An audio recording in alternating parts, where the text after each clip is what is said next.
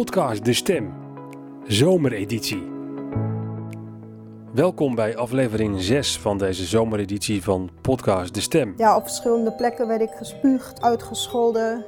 Ik, wat ik dacht toen is dat eh, eh, eh, als ik lieg, dan verlies ik mijn eeuwige toekomst. In plaats van langere interviews delen Arco van Dolenweert en ik deze zomerperiode elke week een aansprekend verhaal met een praktische toepassing die jou kan helpen om Jezus te volgen in jouw situatie. En uh, zelfs toen ik werd geslagen, had ik echt zo'n vreugde van binnen van... dit is het, ze mogen me alles afnemen, maar dit kunnen ze me niet meer afnemen. Wat denk jij? Zijn kerkmuren typisch Nederlands? Twee voorgangers uit Nigeria konden totaal niet met elkaar overweg. Tot er iets gebeurde. In een dorp in het noordelijke plattelandsgebied stonden twee kerken. Twee gebouwen, twee verschillende denominaties en twee voorgangers.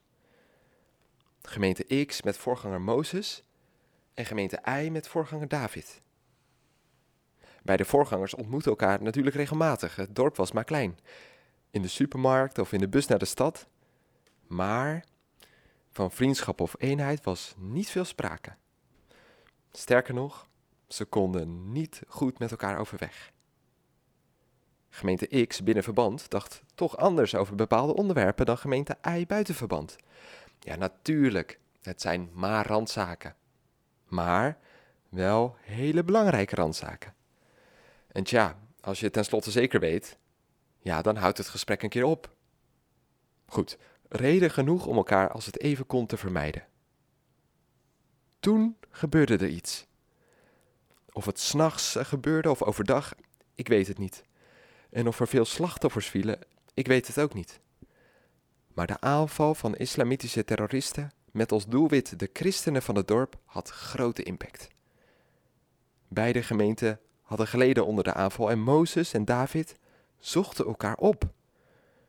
Ze grepen elkaar vast, ze helden samen, ze baden om troost, om bescherming, om wijsheid en, jawel, om eenheid. De aanval had hun ogen geopend. In de tijd die volgde waren er in het dorp in Nigeria twee gebouwen. Twee voorgangers en nog steeds twee visies op randzaken. Maar er was iets veranderd. Er was maar één kerk. Weet je, om heel eerlijk te zijn, dit verhaal geeft mij hoop. Blijkbaar kan er verdeeldheid en zelfs vijandschap tussen kerken verdwijnen als sneeuw voor de zon. Bye.